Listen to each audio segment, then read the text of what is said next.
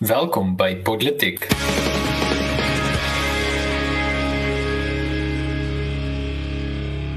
Reg, goeiemôre. My naam is Ernst van Sail en saam met my in die ateljee is Paul Marits en in vandag se episode NGV deurgejaag, Trump voor die hof gedaag.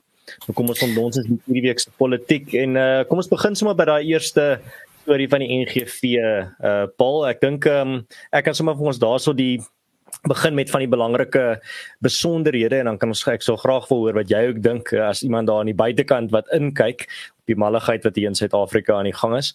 So daar het al 'n hele paar reaksies gekom op die uh, eh, NGV nuus en daai nuus was dat die wetsontwerp oor die NGV is Dinsdagmiddag in die parlement goedgekeur. Nou uh verskeie partye en organisasies het aangedui dat hulle gereed is om alles in uh die stryd te werp teen die nasionale gesondheidsversekering en uh dit is juis uh wat ons hierso sien is maar ons nou baie gepraat op politiek van die NGV en wat dit behels maar in kort.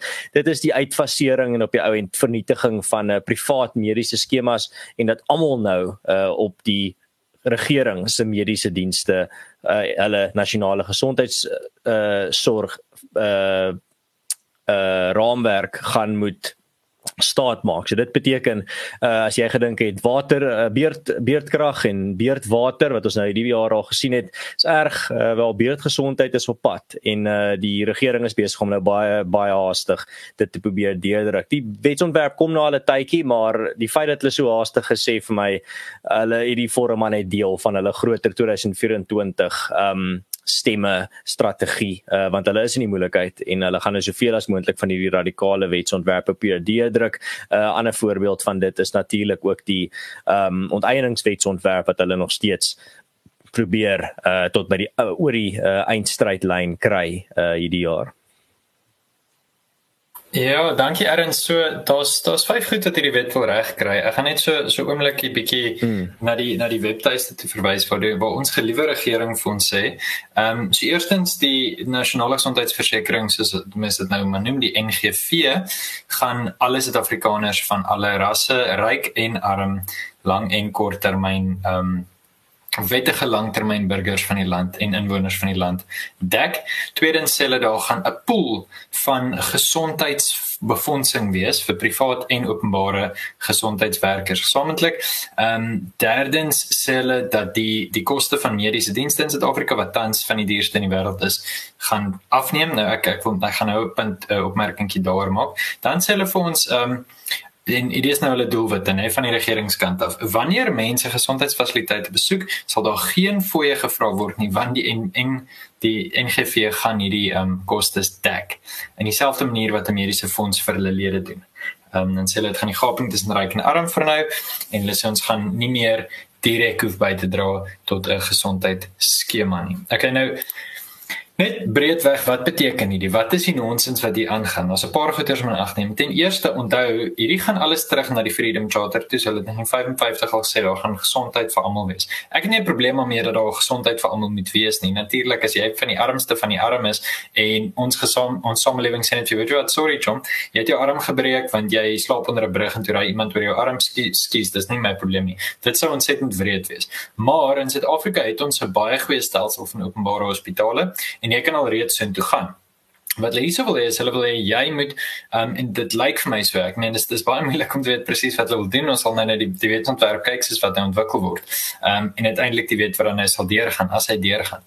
Maar wat hulle uiteindelik ook wil hê is dat jy met die vermoë om na enige hospitaal toe te uh, kan gaan. So, met ander woorde, um kom ons sê ek het nie 'n uh, privaat medies nie, maar ek wil instap in 'n uh, hiper goeie privaat hospitaal, jy weet soos 'n Life of 'n Netcare of wat kom ek ook kan instap.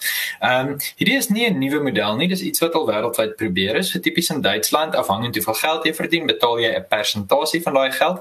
Ehm um, en dan kan jy tegnies ook alle mediese dienste kry, maar daar is ook ietsie soos privaat mediese dienste vir mense wat meer geld het. In Engeland het hulle so 'n tipe van 'n NHI en ons weet in Engeland is of NHS noem hulle dit, NHS en ons weet daar is ontsettend baie kritiek ook teenoor dit. Baie mense betaal nou maar die ekstra's om ander woorde deel van jou belasting gaan hiervoor, maar dan effektief betaal jy dan nou addisioneel. Ehm um, 'n paar dinge om om net op te let. Ten eerste is altyd wat ons met die ANC moet doen is ons moet sê hoekom nou? So tydsberekening of wat wat ek as ek vir debat kinders afrigting gee dan sê ek altyd temporele kritiek. Vra vir jouself hoekom doen hulle dit nou? En ek dink dit is belangrik om agter te kom die ANC um, is nie baie geliefd onder hulle ondersteuners nie. Dit weet ons politiek luisteraars weet dit ook. Hoekom is die ANC nie geliefd nie? Wel want ons nie tans elektrisiteit nie en plekke waar water nodig is vir elektrisiteit, waar elektrisiteit nodig is vir water, is daar ook nie water nie. Dis baie onveilige land om in te woon. Daar was verlede week agt plaasmoorde.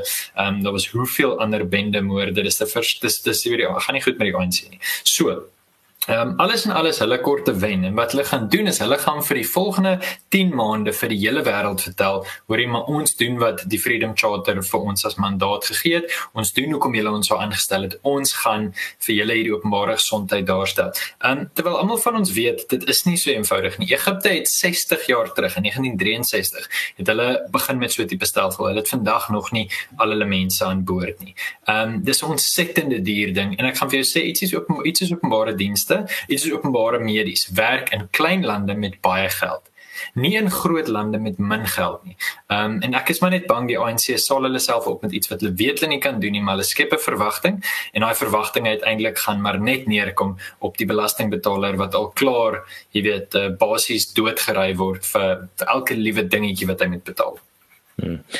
Ja, en ek dink om daar by te sit, ehm um, mense moet ook verstaan hierdie is 'n uh, vernietigende wetsontwerp, iets wat definitief teengestaan moet word, maar dit is ook iets wat oornag gaan geïmplementeer word nie. Wat hier voor ons lê soos wat ek dit sien, is jare en jare se hofsaake en ons sal sien daar's gelukkig 'n baie ryk uh, burgerlike samelewing in Suid-Afrika wat 'n uh, uh, groot hoeveelheid uh, spelers in hom het, 'n um, ryk verskeidenheid um, het wat sal uh hierdie teen staan ons het al klaar gesien uh daar's beweging uh, aan daai kant uh, reg oor die uh die politieke spektrum. En wat ek dink ook mense in ag moet neem is die feit dat die debatte rondom hierdie tipe wetsontwerpe is baie keer net rondom die naam of die die uh wat die pakkie of die boksie sê. Uh en weet wat die pakkie van die NGV sê is dat dit is 'n uh, uh baie progressiewe stuk uh, wetgewing wat nou vir almal gelyk gaan maak en gaan seker maak dat almal het uh um toegang tot gesondheidsorg. Maar nou debatteer almal oor oor daai oor die onbenulligheid van wat die wet wetsontwerp uh, beweer dit gaan probeer regkry. Terwyl die eintlike debat is wat gaan dit regkry en wat gaan gebeur? Net soos met uh, swart ekonomiese bemagtiging. Nou wil nou wil mense wat dit ondersteun uh, wil wat die beleid ondersteun, wil vir jou na daai vlak toe trek van hoekom is jy teen uh, die bemagtiging van enigiemand? Hoekom is jy teen die bemag swart ekonomiese bemagtiging? Maar dis nie waar die debat lê nie. Die debat lê oor nie of uh, uh iemand wat sê hulle gaan 'n uh, lemoenboom plant en dan uh, uh is die debat oor of hulle dit moet doen of nie. Die debat is gaan uiteindelik lemoene dra hierdie hierdie boom wat hulle gaan pluk. Jy moet jy gaan die boom aan sy vrugte ken en ons weet klaar as ons kyk na die 30 jaar van ANC vrugte of bittervrugte moet ek eerder sê nader aan gifappeltjies as soet uh appels of pere of uh, of lemoene. Maar as ons kyk na die bittervrugte van die ANC, weet ons klaar wat se vrugte hierdie boom gaan dra as dit enigstens vrugte gaan dra. En uh, op daai uh, basis alleen kan jy die die wetsontwerp kritiseer. Moenie dat uh, die debat getrek word na maar hierdie is wat hulle sê is wat hulle probeer regkry nie maar die naam is dit, so hoe kan jy teen dit wees nie. Dit is waar hulle wil hê die debat moet wees op in die wêreld van papier, nie in die wêreld van die realiteit nie. En dit is juis waar waar ons die debat moet voer. Is nie in die wêreld van dit is wat ons dis wat ons uh, beplan met dit en dit is wat ons wil wil met dit die uitkomste wat ons daarmee wil bereik nie en hierdie is die bedoelings en die morele sousie wat ons daaroor gooi nie.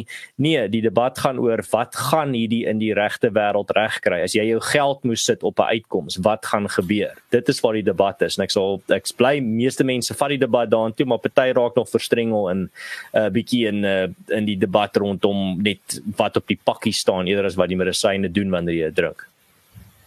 Ja, dankie Aaron. So die die wet se naam is B11 van 2019. Ek kan enigiemand wat belangstel aanraai om daarin te gaan kyk. Dit is so 60 bladsye, is nie noodwendig nodig om alles te lees nie, maar dis baie interessant hoe dit begin. Jy weet, so die voorwoord, die preamble van die wet sê, ten eerste moet ons erken dat daar in Suid-Afrika sosio-ekonomiese ongelykhede, wanbalanse en en uh ongeregtighede is wat reggestel moet word. So dis hoe die wet begin. Tweedens, daar is behoefte om die verdelings van die verlede te heel en om daar te stel 'n gemeenskap gebaseer op demokratiese waardes, sosiale geregtigheid en fundamentele menseregte. Okay. Nou, die ding is niemand stry met dit, jy weet dat dat ons 'n bepaalde verlede gehad het nie. Die vraag is hoe is dit relevant tot dit wat hier gedoen wil word? Ehm um, en en ons weet die ANC is baie lief daarvoor om ideologie te hê sonder uh veel stof. Maar wat hulle effektief hier gaan regkry, is hulle gaan 'n probleem wat hulle geskep het gaan herskep. Kom ek verduidelik wat ek daarmee bedoel. Meeste van ons ouers is nie gebore in privaat hospitale nie. Okay. So, ehm um, hulle is gebore in eenvoudige staatshospitale want dit was voldoende. En jy sal hoor iemand sê Julius Malema het al gesê, jy weet, maar toe hy klein seentjie was, het hy na die kliniek toe gegaan en so en so. Daar was 'n duidelike verval. Niemand regverdig die verlede nie wat ons eenvoudig sê is goed het gewerk. Nou werk dit nie meer nie. So met ander woorde, die ANC het al reeds wanbestuur. En toe het hulle gegaan, okay, ehm um, ons kan duidelik nie die gesondheidstelsel nie gang nie. So wie kan oor die private sektor? Okay, kom ons gaan na hulle toe, kom ons kry hulle om dit net vir ons te doen en binne 'n manier gaan hulle nog steeds geld maak uit. Ongelukkig moet ek my vryheid van spraak wat ek nog het misbruik om die volgende te sê. Ten eerste, ehm um, ons weet elke liewe Suid-Afrikaner met 'n halfpad gesonde brein weet die ANC gaan ons set baie geld uitmaak. Ons weet hulle vrouens en hulle kinders gaan ewe skielik in mediese fondse begin werk. Ons weet dit. Ons weet dat die groot spelers in die sektor en dit sluit ongelukkig jou groot mediese fondse in, dat hulle vriendelik met die regering gaan wees. Hoekom? Want hulle wil aan die tafel sit. Hulle wil deel van die oplossing wees. Nie omdat hulle dink dit gaan werk nie, maar omdat hulle bitterlik baie geld kan maak. As die regering vir jou sê, luister, ons weet nie om hospitale te bestuur nie, maar ons gaan die private sektor inkry en ons gaan met belastinggeld onderhou. Jy weet dan effektief, jy weet jy kry 'n uh, 'n onuitputbare kliënt met met met geld wat nooit ophou nie. So waar jy ewe skielik R5000 'n maand kon vra vir 'n gesin van 3 of 4 mense, kan jy nou soveel vra as wat jy effektief lus is. Ehm um, en dis nie so eenvoudig nie, ek verstaan dit, maar 'n klomp mense gaan 'n klomp geld kan maak as hierdie ding sou deurgaan. Die die voordeel van die private sektor is dat daar kompetisie is. As ek nie saamstem met die mediese wat jy vir my gee nie, omdat die diens of die prys nie reg is nie, dan kan ek niemand anders toe gaan. Wat hier so effektief gaan gebeur is daai keuse gaan van ons weggeneem word. Dis ehm um, weet en hoe langer hoe meer ek meen ek ek is al 5 jaar op politiek betrokke en ons sê baie keer dieselfde goeters oor en oor maar jy weet as jy kringe in 'n bos elke keer wat jy deur die bos loop verstaan jy hom 'n bietjie beter jy weet. So um, Ronald Reagan het hierdie opmerking gemaak dat vryheid is net 'n generasie diep jy weet elke generasie moet opnuut hulle vryheid wen. Hoekom is dit belangrik? Dis eenvoudig belangrik want wat ons hierso sien is dat mense weer eens vir daai ou triek val. Maar ek gaan veilig wees. Ek kort dan nie meer medies nie dis wonderlik. Hierdie groot vriendelike regering gaan na my kyk en gaan my oppas Jeggie mense, as ons teruggaan na 3000 3500 jaar van westerse geskiedenis, ons gaan kyk na die Grieke toe, dan sien ons daar was tiranne en die rede hoekom hulle nie tiranne wou gehad het nie, is omdat hierdie ouens het vir hulle allerlei soorte veiligheid beloof, maar het al hulle vryheid weggevat en het hulle gesê hoe hulle hulle dag tot dag lewe moet lei. Daar's 'n goeie rede hoekom jy nie wil hê die regering moet alles vir jou wees en alles vir jou doen nie. En wat hierdie NGV wil doen is hy wil vir ons alles wees. Hy wil ons ma en ons pa wees. En dis 'n tipiese kenmerk van 'n sosialistiese regering, maar meer as dit, dis 'n tipiese kenmerk van 'n tiran. Ehm um, ek is ek is redelik seker dat dat hier baie weerstand gaan kom. Ehm um, en ek is ook redelik seker die ANC weet dat hulle dit nie gaan kan doen nie. Maar hulle raak nou al hoe meer soos 'n hond wat per ongeluk 'n bus gevang het. Jy weet, hy weet nie wat om met die ding te doen nie, maar hy het so lank agter die ding aangehardloop dat hy hom nou gevang het. So ek dink ongelukkig as die ANC dit gaan regkry om die ding deur te kry, gaan hulle sit met 'n kopseer wat hulle nie gaan kan oplos nie. En die hartseer ding is ek dink hulle weet dit. Ja. Ek was net my laaste gedagte is 'n gedagte wat ek vandag um uh op 'n WhatsApp groep gedeel het. Iemand het gevra daarso, maar hoekom sal die ANC voor 'n verkiesing 'n uh, wetsontwerp probeer deurdruk wat hulle weet dalk nie gaan met materialiseer nie. En ek dink die sentrale punt hier wat ons moet verstaan wat die ANC en die realiteit rondom ons politiek oor die algemeen vir jou leer is dat persepsie wen vir realiteit in 'n bokseveg elke dag en hy kan altyd sy arms agter sy rug vasgemaak hê. Dit is die goue reël, die die eyster eintlik staalreël van politiek is dat persepsie is alles. Dit gaan nie oor wat in die realiteit aangaan nie. Dit gaan nie oor gaan nie die wetsontwerp ooit ingestel word nie. Dit gaan nie oor gaan as dit ingestel word gaan dit werk of nie. Dit gaan oor wat se persepsie skep dit in die publiek skep dit die persepsie dat ek is besig om 'n verskil te maak dat eh, dat, my party is besig om die mense te dien. Dit is al wat vir die ANC belangrik is. Dis al wat vir meeste politici reg oor die wêreld belangrik is. Dit is persepsie, nie realiteit nie. So dis dis die lens waardeur jy na hierdie goed moet kyk. Maar gepraat ook van uh, persepsies en realiteit, Paul, as ons kyk na oor die oor die see, uh, daar wat in Amerika aangaan, sal meer persepsie of meer realiteit as dit kom by uh, die uh, arrestasie van voormalige president Donald Trump. Ja, dis 'n interessante storie, Erns. Ek moet vir jou sê dis een van daai goeters wat 'n mens regtig ehm um, jy weet, daar's so baie al hieroor gesê en geskryf en is een van daai goed waar almal 'n mening het. Ehm um, as jy as politieke luisteraar so 'n bietjie ehm um, Trump moegheid het soos baie van ons, jy weet jy luister nou al vir 8 jaar na alles wat Donald Trump doen en ehm um, jy sit oor na 'n ander kanaal toe of jy rol net verby die storie op jou selfoon as as dit opkom. Dan is is 'n interessante feit of 'n belangrike feit. Ten eerste, die mees belangrike is dat dit die eerste keer in Amerika se geskiedenis is dat 'n voormalige president aangekla is. Die die Engelse woord is indicted, soos jy die woord indicted sien.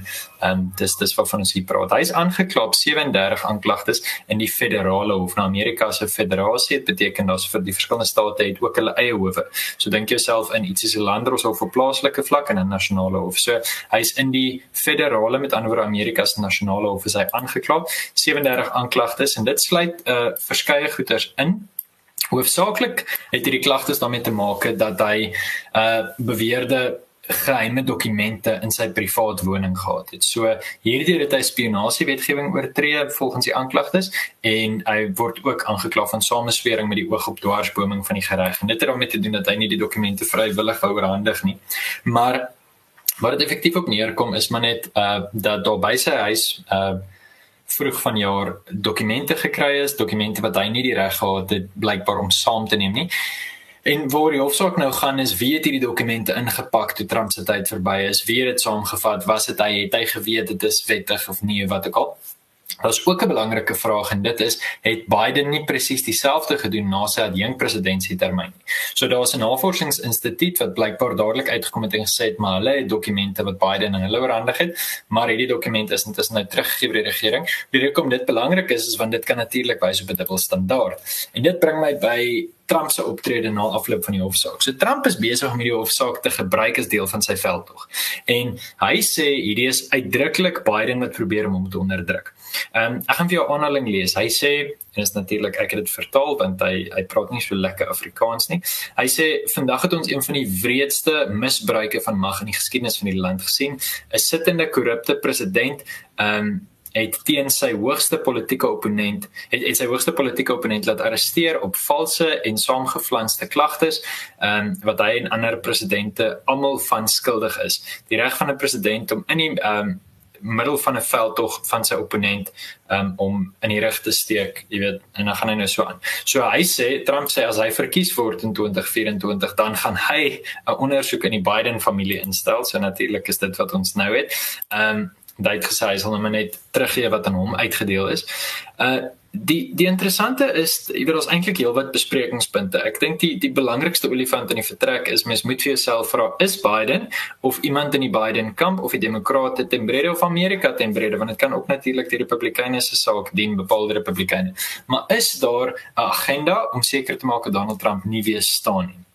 Ehm um, ek ek dink nie dit is ver gesog en is een of ander samespieringsteorie om te sê dat dit definitief deel van die element is nie. Ek dink Biden weet dis nie nou COVID nie. Hy gaan nou moet gaan in stadions staan voor mense en hy gaan toesprake moet voer. Hy gaan debatte moet voer op televisie regstreeks. Hy gaan vra moet vat en om dit te doen teen een van die beste politieke retoriese sprekers ehm um, wat ek in lang tyd gesien het gaan moeilik wees. En, en jy weet Trump weet hoe om homself in 'n gesprek te plaas. Hy weet hoe om die lig uit uit 'n gesprek uit te haal en hy het al senior politici baie sleg laat lyk. Niemand soos Biden wat nie noodwendig so seker van sy saak is nie, kan sukkel. So dis definitief een deel van die saak. Erns ek hoor wat jy daarvan dink, maar net 'n ander ding. Ehm um, daar is natuurlik ook die ander kant van die van die munt en dit is dit kan gewoon wees dat dit gewone mense is wat hulle werk doen en wat Trump gaan skuldig bevind aan iets wat hy regtig nie mag gedoen het nie en dat hy wat al baie keer in sy lewe bietjie die die grense gestoot het en so bietjie kanse gevat het dat hy oor 'n lyn getrap het wat hy nie wat hy nie van gaan kan terugkom nie. As dit die geval is, dink ek daar gaan Amerika geweldige opstande wees want as hy gearresteer wel as hy ehm um, as hy gefonnis word en hy moet tronk toe gaan of so, dink ek ons gaan optogte sien wat mens nie noodwendig in 'n demokratiese land verwag het nie. So klomp interessante goed om voor te kyk. Ehm um, en hy het natuurlik onskuldig by die 37 klagtes ehm um, uh gepleit. So as ons maar kyk waartoe gaan dit van hier af. Ons natuurlik ander regsprosesse wat ook op pad is rakende uh, Januarie 2020, maar goed, ek dink of Januarie 2021 skies, maar ek dink vir nou gaan ek hier vol staan. Ek het nou baie gesê. Hmm. Ek wil sommer jou vraag antwoord Paul, weer jy die jy die retoriese vraag gevra van is hierdie nie dalk net uh, mense wat hulle werk doen nie wil dan wat vir my vreemd is is dan is dit die eerste keer wat hulle hulle werk begin doen het want ons het ek dink ons is oud genoeg om te onthou dat hierdie nie die eerste geval is van hierdie tipe misdade wat gepleeg word deur hooggeplaaste politici in Amerika nie. So ek dink ek is in dieselfde uh, bootjie as jy. Ek kyk maar net sommer na die patrone en die goed wat ek rondom my sien en alles dui vir my dat hier is definitief 'n gekonkel aan die gang. Wat die aard van daai gekonkel is en uh, hoe sterk dit is en van hoe hoog op dit kom, dit is alles vrae wat dalk nog uh, in die volgende paar maande gaan uitkom, dalk nooit nie, maar dit is definitief daar's iets vreemd aan die gang, daar's 'n slang in die gras.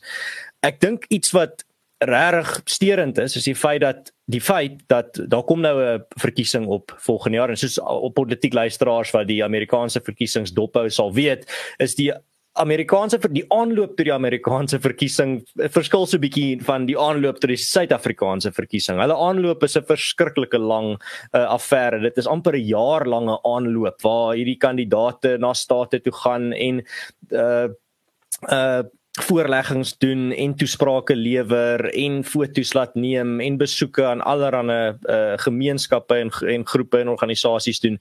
Dis 'n verskriklike groot uh bemarkingsveld tog jaar eintlik vir elke groot kandidaat.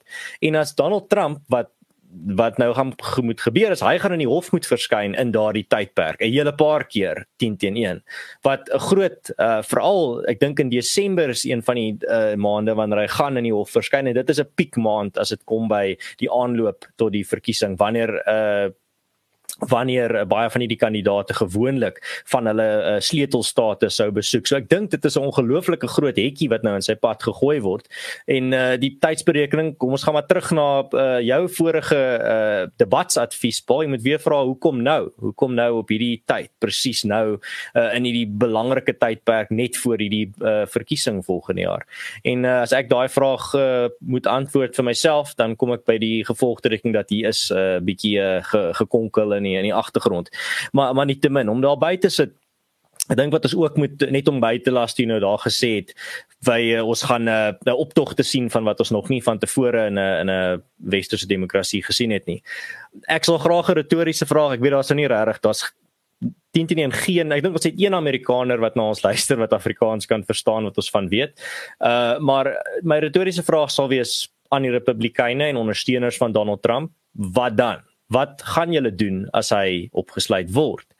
Gaan julle net optogte doen en dan daarna as julle nie julle sin kry nie, maar net besluit ag ons het probeer? Wat my vra ek vra uit nuuskierigheid van hoe wat hoe gaan mense wat gaan jy doen en wat wil jy wat gaan jou ideale uitkoms wees as daardie scenario sou uitspeel? Ek sal graag 'n paar mense se se voorstelle wil hoor maar ek dink dis die vraag wat ek sal wil stel want dit gaan ongesiene tye wees. Dit gaan 'n situasie wees wat ons nog nie van tevore gesien het nie. En ek is baie nuuskierig om te sien wat gebeur. Nie noodwendig dat ek wil hê dit moet gebeur nie maar as dit sou gebeur gaan ek dit baie noukeurig dophou. En ek sal graag wil hê sommer die luisteraars ook as jy 'n republikein sit jouself in hulle skoene.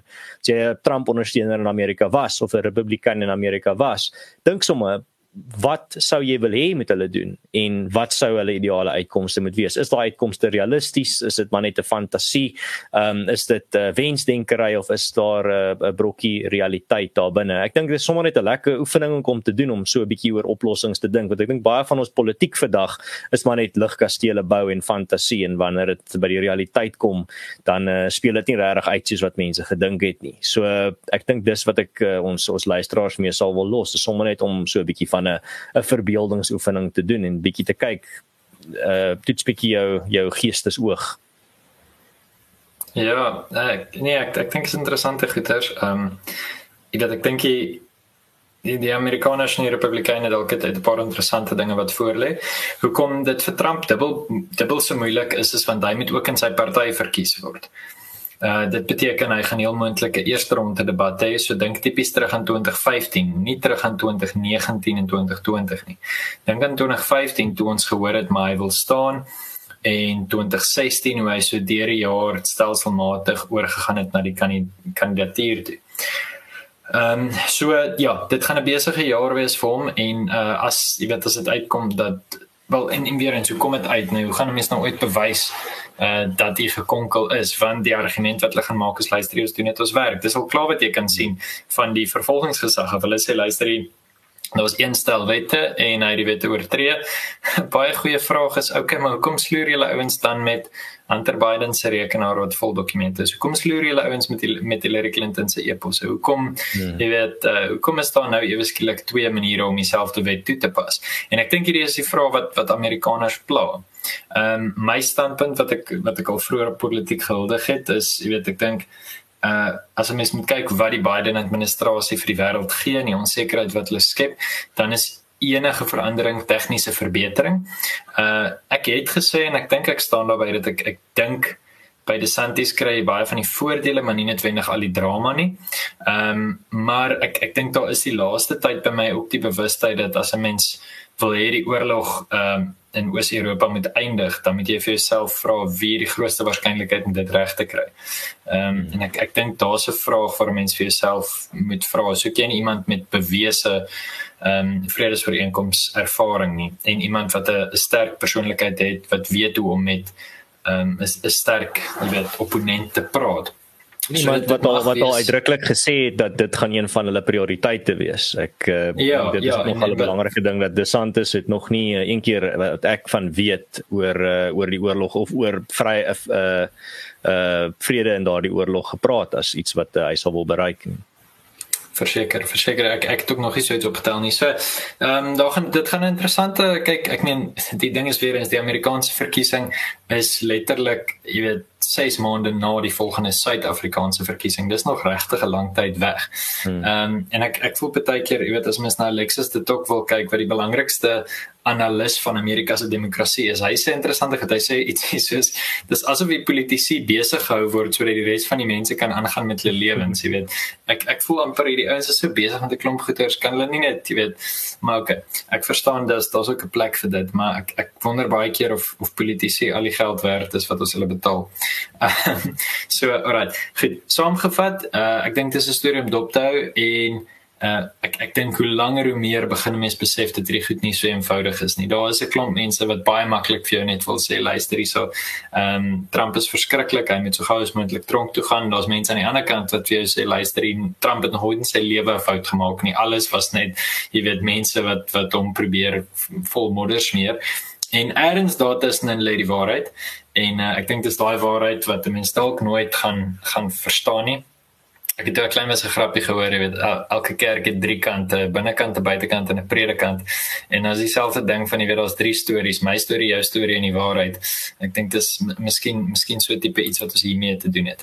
Nou ja, hmm. dames en here, dis vir ons heerlik geweest om nog 'n week saam saam met jou so 'n bietjie te kan ontnonsens, bietjie te kan gesels oor 'n paar dinge wat wat belangrik is. Uh van ons kant af, so Suid-Afrika se goeie buitelandse betrekking is hierdie episode eers verby. Sy hou van wat ons doen uh teken gerus in op politiek en gesels met ons en uh ons gesels natuurlik graag saam met jou op sosiale media. Jy kan ook um inteken op ons Telegram kanaal en dan gesels ons volgende week.